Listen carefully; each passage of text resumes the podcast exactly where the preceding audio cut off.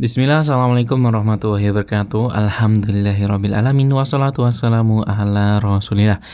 99.9 FM Radio Iskarima, sahabat Anda belajar Al-Quran. Sahabat Quran dimanapun Anda berada, senang sekali saya Nur Syahid. Bisa kembali hadir ya di ruang dengar sahabat Quran semua pada kesempatan kali ini. Tentunya di program Makon, Majelis Takon ya, yang mana seperti sahabat Quran sudah ketahui bersama.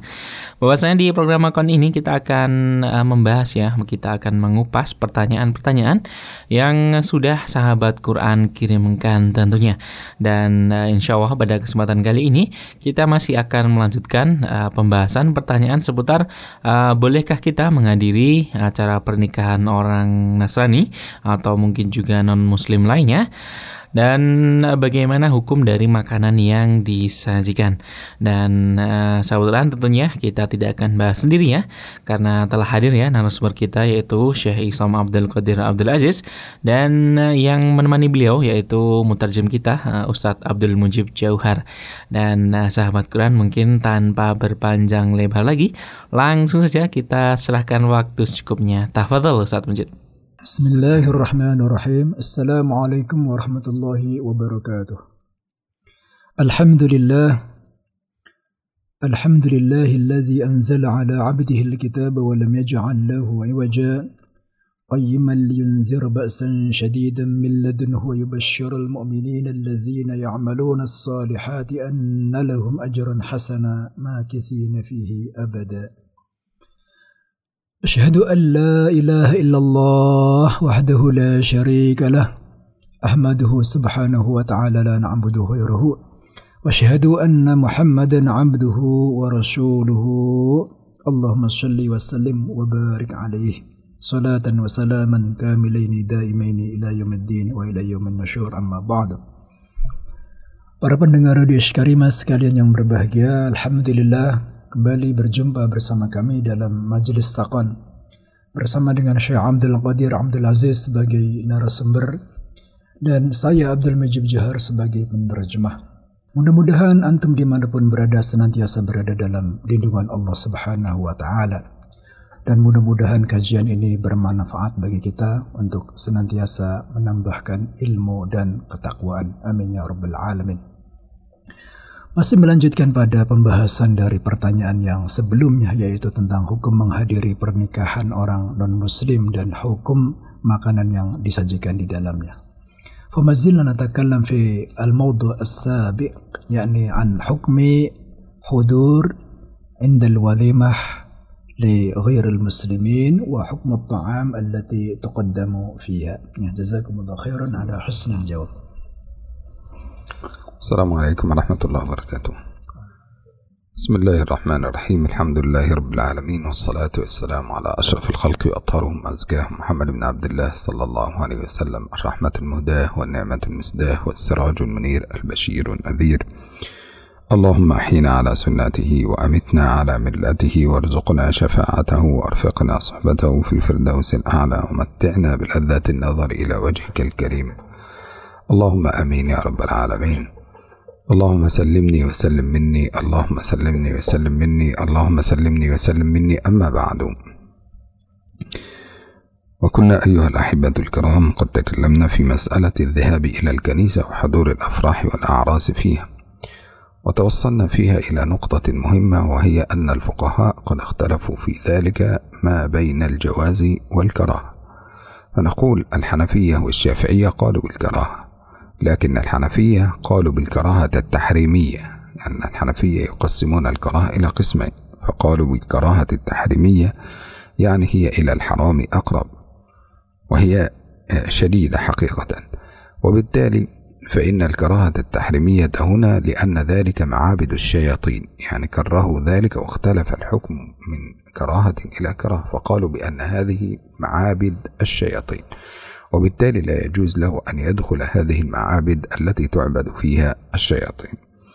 أما بالنسبة إلى الشافعية فقالوا أن هذا الحكم مكروه يكره له أن يذهب إلى الكنيسة لما فيها من التصاوير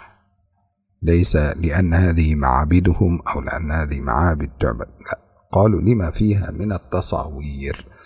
وذلك أن أن عمر بن الخطاب رفض أن يدخل الكنيسة حينما دعاه رجل من عظمائهم إلى الطعام فيها فقال إن لا ندخلها لأن فيها تصوير وبين ذلك عمر بن الخطاب والمذهب الثاني وهو كان مذهب المال الجمهور ومذهب الجمهور في هذه المسألة هو الذي قال بجواز الذهاب مطلقا بجواز الذهاب مطلقا لكن طبعا حقيقة جواز الذهاب مطلقا هذا مشروط بشروط يعني ليس الأمر هكذا مفتوح الأمر الأول أن يأمن على نفسه الفتنة يعني يأمن على نفسه الفتنة فإن لم يأمن على نفسه الفتنة فلا يجوز له أن يدخل هذه الكنيسة الأمر الثاني أن يكون عنده القدرة أن يكون عنده القدرة على آه، محاورة النصارى واليهود يعني هكذا أن يكون عنده القدرة على محاورة النصارى والنهود ما معنى محاورة النصارى واليهود؟ أنت ممكن تذهب إلى الكنيسة أستاذ الفاضل فأنت معرض أن تسأل إلى سؤال أن تسأل في سؤال فممكن واحد يختبرك في سؤال يختبرك في سؤال في العقيدة يختبرك في أي سؤال من هذه الأسئلة ثم أنت لا تستطيع أن تجيب هذه الأسئلة إذا كنت لا تستطيع أن تفعل مثل هذه الأشياء أو ليس عندك القدرة على محاورة النصارى فبالتالي لا تدخل الكنيسة لأن هذا قد يؤدي بك إلى فتنة وضلال طب لماذا نقول يكون عنده القدرة على المحاورة قال ابن تيمية لأن النصارى أهل سفسطة النصارى أهل سفسطة ما معنى أهل سفسطة يا أستاذ عبد المجيب معنى أهل سفسطة يعني هم أهل فلسفة يحبون هكذا فكانت تسمى الفلسفة قديما السفسطة هكذا وبالتالي آه، هؤلاء يحبون الفلسفة كثيرا ويعتمدون عليها ويعتمدون على المنطق وعلى العقل وعلى الأمور العقلية أما نحن ديننا فهناك بعض الأشياء نحن مأمورون عليها فنحن مأمورون بالاتباع لا بالتفكير ولا بالعقل نحن مأمورون باتباع الله سبحانه وتعالى في بعض الأشياء وبالتالي إذا دخلت هناك لابد أن يكون عندك من الفلسفة وعندك من المنطق الذي تستطيع أن تحاور به اليهود وعندك من الحنكة والزكاة إذا لم يكن عندك غير ذلك يعني مثلا واحد من عامة أهل القرية مثلا واحد جاهل أمي لا يعرف شيء هل هذا نقول له تدخل الكنيسة وتحضر أعراسهم؟ لا طبعا لا نقول له ذلك لأنه لو دخل الكنيسة ممكن أن يخرج منها وهو مستنصر وبالتالي هنا تكون الفتنة أعظم والفتنة أشد فإن هذا لا يؤمن عليه من الفتنة من دخول هذه الكنيسة وبالتالي لا يدخل أما واحدا متعلم ويفهم هذه الأشياء وقد تعلم العلوم الشرعية وأتقنها وأتقن عقيدة نصارى وما فيها هل هذا يحرم من هذه الأشياء؟ لا طبعا لكم دينكم ولي دين وبالتالي يدخل ويجلس في وسطه مذهب الثالث وكان مذهب الإمام أحمد وهو الذي قال لا يجوز له أن يدخل الكنيسة إلا بإذن أهلها لا يجوز له أن يدخل هذا الزواج إلا بإذن أهلها فإن جاءته دعوة ذهب وإن لم تأتي إليه دعوة لا يذهب إليه لكن من باب إظهار شعيرة الإسلام ويؤمن عليه من الفتنة أيضا فإن لم يؤمن عليه من الفتنة فلا يجوز له أن يدخلها مطلقا Pembahasan kita kemarin tentang hukum menghadiri walimah atau resepsi pernikahan orang-orang non-muslim yang diadakan di gereja ataupun di rumah sampai kepada poin yang uh, ketiga yaitu pendapat mazhab-mazhab dalam ini dalam hal ini adalah pendapat mazhab Hanafiyah Pendapat Hanafiyah mengatakan, Imam Hanafi mengatakan hmm, bahwasanya menghadiri acara tersebut di gereja maksudnya acara orang uh, Nasrani ya, acara pernikahan mereka di gereja itu adalah makruh ya, karohat tahrim. Tapi makruhnya ini bukan makruh yang ringan ya, karena dalam hal ini Imam Hanafi membagi makruh itu kepada karohat tahrim ya. Karohat tahrim wa wa kismasani karohat karohat tanzih ya tanzih ya. Nah. jadi karohat tahrim wa karohat tanzih kalau karohat tahrim ini lebih dekat kepada haram ya ilal akrobi ilal harami akrob kata saya hmm. ilal harami akrob jadi kalau karohat tahrim saya ulang lagi itu lebih dekat kepada haram tapi kalau karohat tanzih hanya sekedar eh, ya tidak sampai ke adalah ya, masih masih eh, dekat kepada kebolehan ya tapi kalau karoha atau tahrim ini makruhnya makruh yang berat, makruhnya makruh itu hampir hampir haram. Yaitu menurut pendapat Imam Hanafi. Kenapa? Karena yaitu e, gereja tersebut adalah tempat menyembah setan, ya, tempat menyembah setan, tempat kekufuran, tempat kefasikan di situ. Ya. Kemudian e, Mazhab Syafi'i mengatakan juga makruh, ya, makruh karena apa? Karena di dalamnya ada patung-patung, ada gambar-gambarnya, ada patung-patung dan ada gambar-gambar. Bukan karena di dalamnya atau gereja tersebut tempat ini ya tempat kekufuran, tempat kefasikan. Tetapi karena memang di gerejanya tersebut ada uh, gambar, ada patung ya sebagaimana yang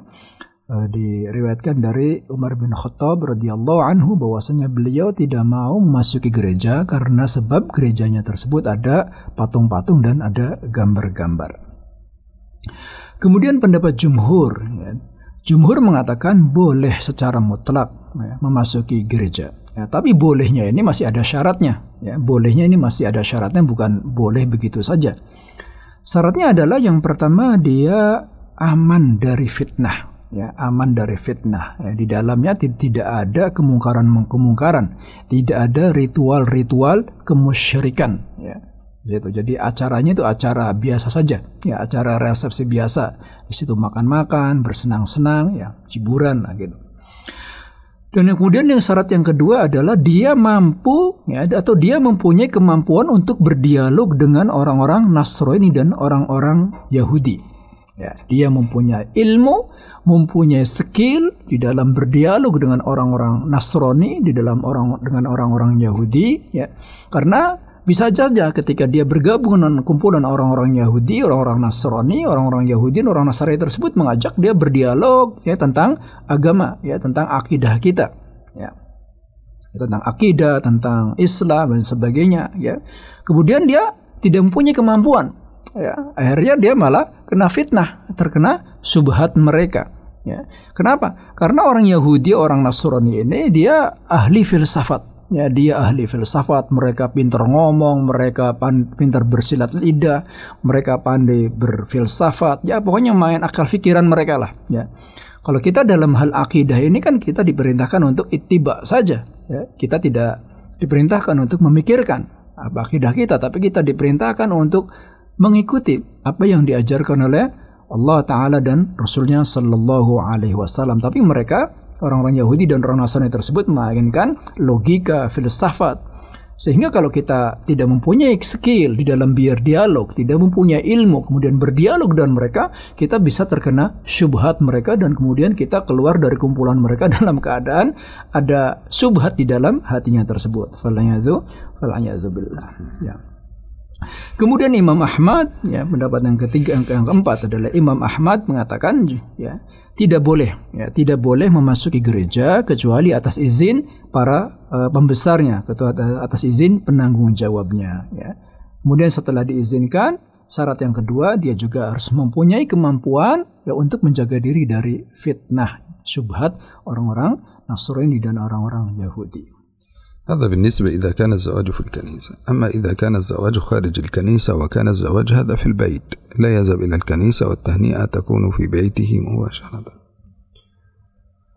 فإن كان الزواج في البيت وخالطه شيء من المحرم يبقى إما أن يكون هذا الزواج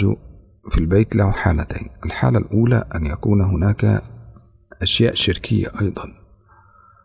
يعني أن يكون هناك أشياء شركية وهذه الأشياء الشركية هو سيحضر في الوقت الذي توجد فيه هذه الأشياء. الحالة الثانية أن يكون الزواج في البيت لكن لا توجد فيه أي حالة من حالات الشرك أو حالات الكفر بالله سبحانه وتعالى أو أي شيء. فأما الحالة الأولى فإذا كان فيه أشياء شركية فالحقيقة لا يجوز له أن يذهب إلى هذا المكان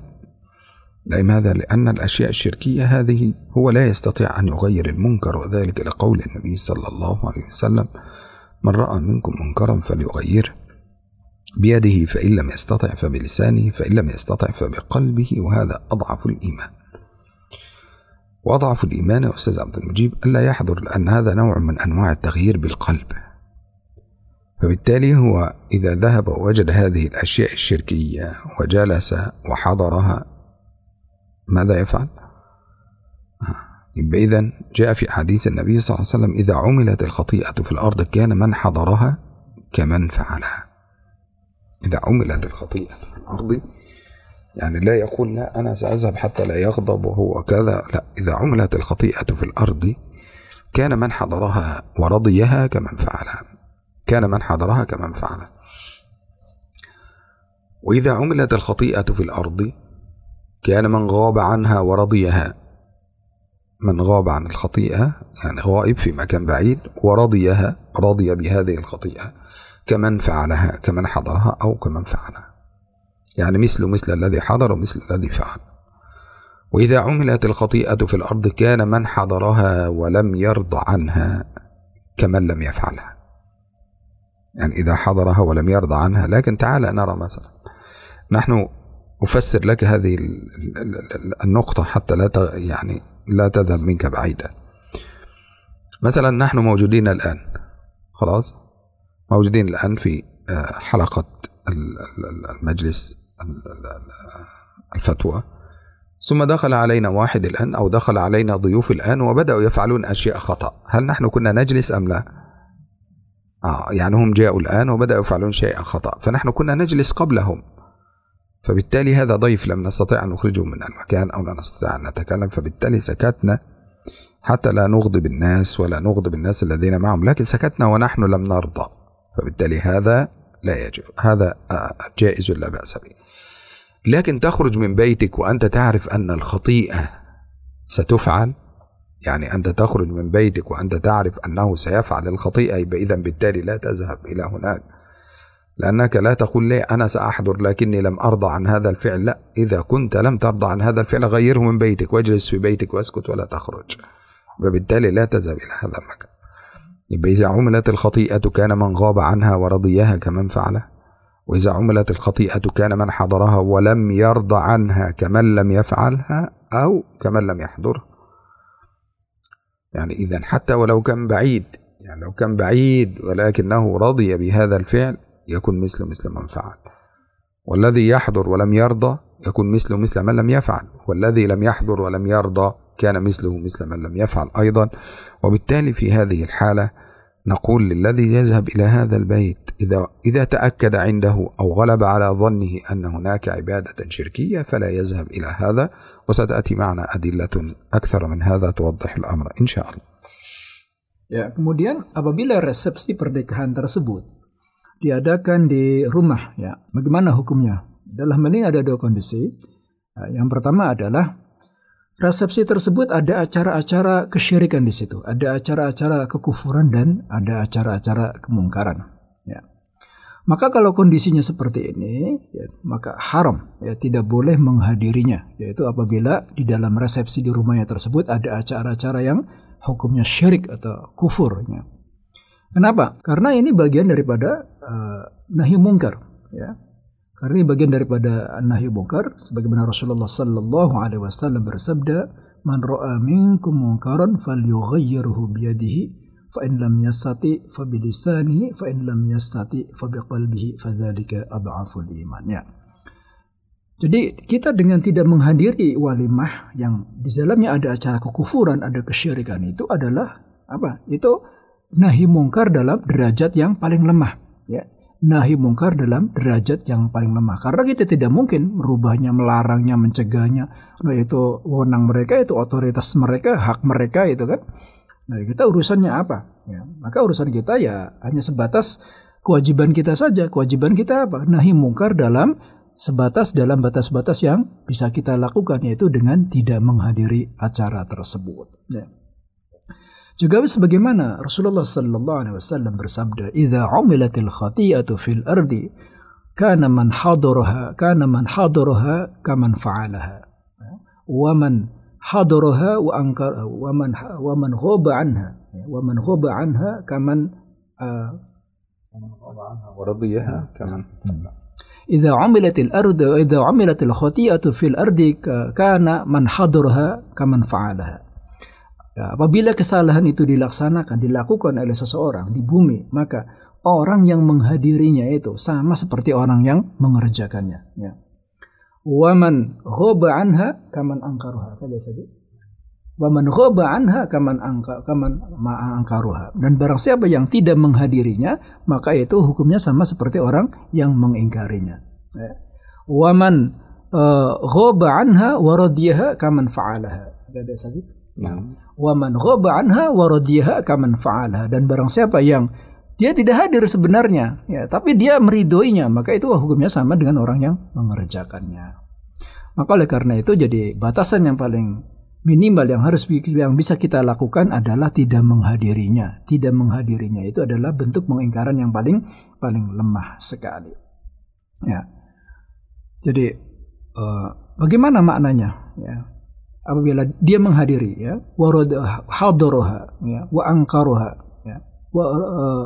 hadaroha wa angkaroha kaman kaman ta, kaman tarukah kaman huba anhu hmm. dia hadir ya dia hadir tapi mengingkarinya dia hadir tapi mengingkari ya itu seperti orang yang apa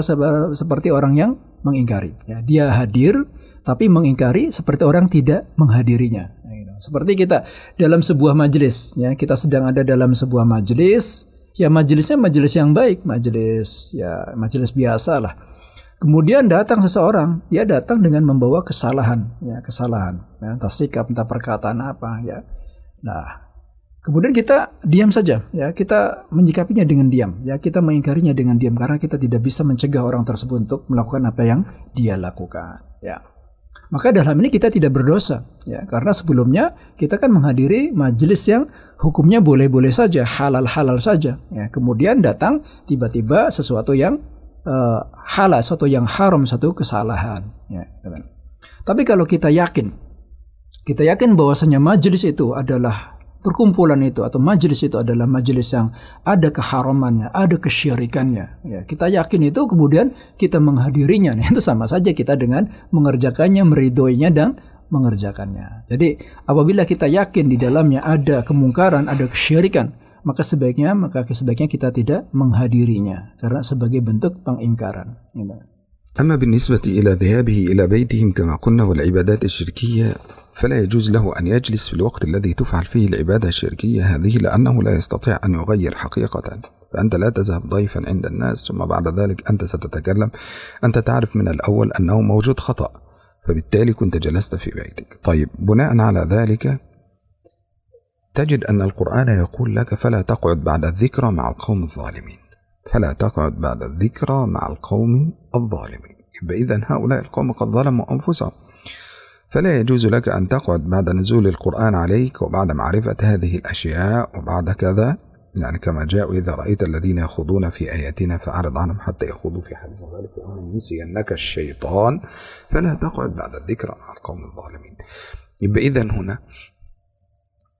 هؤلاء الناس سيخوضون في في الله سبحانه وتعالى إذا سيخوضون في الله وفي آياته وإذا تكلموا وخاصة حينما يتكلمون عن الأب والابن والروح القدس وأنهم جسد واحد وأنهم ثلاثة وأنت كذا وكذا وكذا وحينما ترى هذه الأشياء فبالتالي هذا منكر أنت عليك أن تغيره طيب أنت لم تستطع أن تغير هذا المنكر خلاص تخرج من بيتك وتذهب تخرج من, بي من هذا المكان وترجع أو لا تذهب إلى هذا المكان مطلقا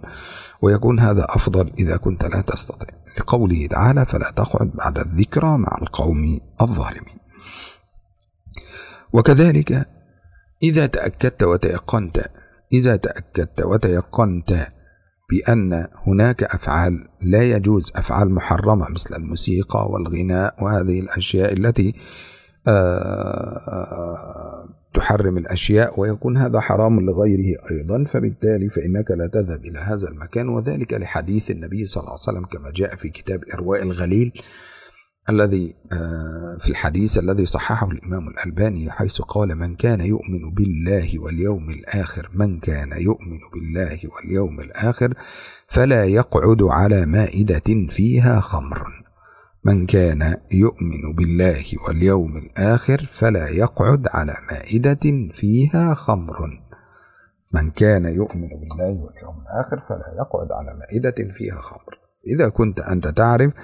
أنهم يقدمون الخمور ويقومون بالأشياء الغير مباحة في هذه الأشياء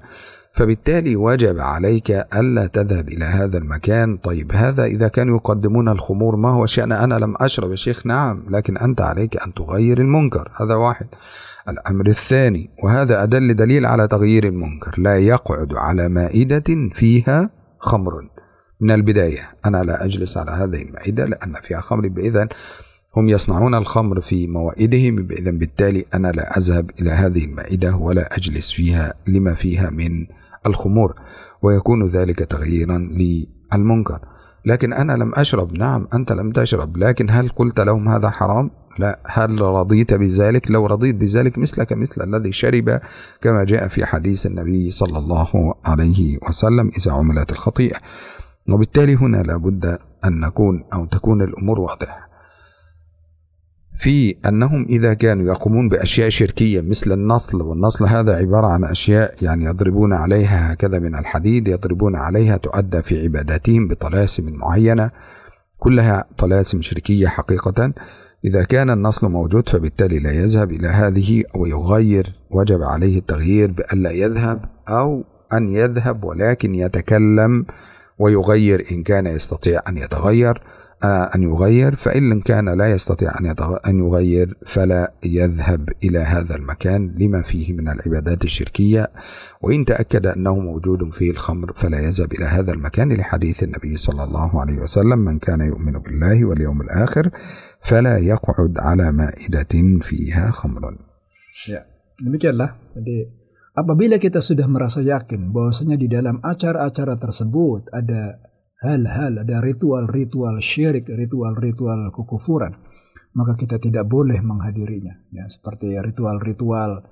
uh, eh, apa uh, eh, ritual-ritual Rohul Kudus, ritual-ritual persembahan kepada Bapa, kepada uh, anak, kepada Rohul Kudus dan kemudian kepada apa Trinitas, apa akidah Trinitasnya. Itu kita tidak boleh menghadirinya. Ya. Kalau kita ada di sana, maka kita harus pergi. Ya, kita ada di sana, kemudian ritual itu ada, kita harus pergi. Ya, sebagaimana Allah Subhanahu wa taala berfirman, "Wa idza ra'aita alladziina yakhuduna fi ayatina fa'rid 'anhum fala taq'ud ba'da dzikra ma'al qaumiz zalimin." Wa idza ra'aita alladziina yakhuduna fi ayatina fa'rid 'anhum hatta يخوضوا fi حديث غيره wa imma yunsiyannaka syaitan fala taq'ud ba'da dzikra ma'al qaumiz zalimin ya ini wa idza ra'aita dan apabila engkau melihat orang-orang yang mempermainkan ya yang merusak yang menudai merusak ayat-ayat ayat-ayat kami fala taqwa fa'rid anhum maka berpalinglah kalian ya berpalinglah kalian dari dari mereka hatta yakhudu fi hadithin ghairih sehingga mereka kemudian uh, melakukan hal-hal yang lain atau acara-acara yang lain yang sifatnya tidak merusak uh, akidah Islam. Wa imma yunsiyannaka syaitan fala ta'ud ba'da dzikra ma'al qaumiz zalimin dan apabila setan membuat kalian lupa ya maka setelah itu janganlah kalian duduk bersama orang-orang zalim itu setelah datangnya peringatan ini ya, setelah datangnya ilmu ini ya ya ilmu yang menyatakan keterangan yang mengatakan akan haramnya duduk-duduk bersama mereka sementara mereka melakukan kemungkaran-kemungkaran kesyirikan-kesyirikan dan kekufuran-kekufuran kemudian ya di samping itu di, di samping hal-hal yang merupakan kesyirikan kekufuran, kefasikan. Di sana juga bisa jadi ada hidangan-hidangan yang diharamkan oleh syariat Islam seperti apa ada musik kemudian ada minum-minuman ada minum-minuman keras minuman khamer ya kita juga tidak boleh menghadirinya apabila yakin bahwasanya di dalam acara tersebut disajikan juga apa minuman keras ya sebagaimana dalam satu hadis yang disahihkan oleh Imam Al Albani mengatakan maka yu'minu billahi wal yaumil akhir fala yaq'ud ala ma'idatin fiha khamrun Ya, Man kana yu'minu billahi wal yaumil akhir. Barang siapa ya, yang beriman kepada Allah dan hari akhir. Fala yaq'ud dan maka hendaklah dia tidak boleh duduk, tidak duduk ala ma'idatin dalam sebuah hidangan yang di dalamnya ada minuman-minuman keras ya. Jadi ketika kita yakin, wah ini acaranya pasti ini disajikan. khomer, wine, anggur, dan lain sebagainya. Maka kita jangan menghadirinya ya kecuali kalau kita bisa merubahnya bisa menasehati atau bisa meringatkannya boleh aja kita menghadiri tapi kalau kita tidak bisa kita yakin tidak bisa sudah kita tidak menghadirinya sebagai bentuk ingkar بقي معنا أن نعرف الحالة الثانية وهي الذهاب إلى بيوتهم لكن لا يوجد عبادات شركية إذا كان لا يوجد عبادات شركية أستاذ عبد المجيب ويذهب إلى بيته للتهنئة فقط فقد اتفق الفقهاء الأربع على جواز التهنئة بذلك إذا لم يكن محاربا أو معاديا للإسلام إذا لم يكن محاربا للإسلام أو معاديا للإسلام فإنه يجوز الذهاب إلى بيته وهذا من باب تأليف القلوب وقد جاء ذلك أيضا في قول الله سبحانه وتعالى لا ينهاكم الله عن الذين لم يقاتلوكم في الدين ولم يخرجوكم من دياركم أن تبروهم وتقسطوا إليهم إن الله يحب المقسطين قال ابن عبد البر في قوله أن برهم قال البر هو أعلى درجات الخير البر هو أعلى درجات المعروف أو أعلى درجات الخير هكذا وبالتالي فإن الإنسان من باب البر هذا أن يذهب إليهم وأن آه، يهنئه بنكاحه وكما قلنا التهنئة لا تقول له بارك الله لكما وبارك عليكما ولكن التهنئة تقول زفاف سعيد آه زوجة آه تعينك على الدنيا آه،, آه آه مبارك لك آه خلاص تهنئة أي تهنئة مشهورة في المكان الذي يكون فيه على حسب العادة وبهذا آه يبقى معنا مسألة هل نأكل من طعامهم الذي صنع للوليمة أم لا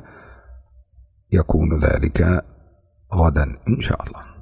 Kemudian kondisi yang kedua yaitu apabila resepsi tersebut diadakan di rumah kemudian tidak ada acara-acara yang e, bersifat ritual kesyirikan atau tidak ada sajian-sajian minuman khamr dan tidak ada tarian-tarian eh, musik di situ yang bersifat e, sangat berlebihan kemungkar gitu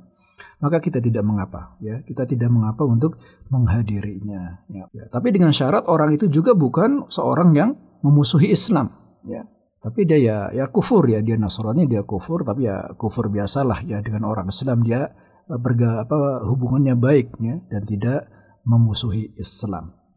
Sebagaimana Allah Subhanahu wa taala berfirman, "La yanhaakumullahu 'anil ladzina lam yuqatilukum fid din wa lam yukhrijukum min diyarikum an tabarruhum wa tuqsitu ilaihim, innallaha yuhibbul muqsitin."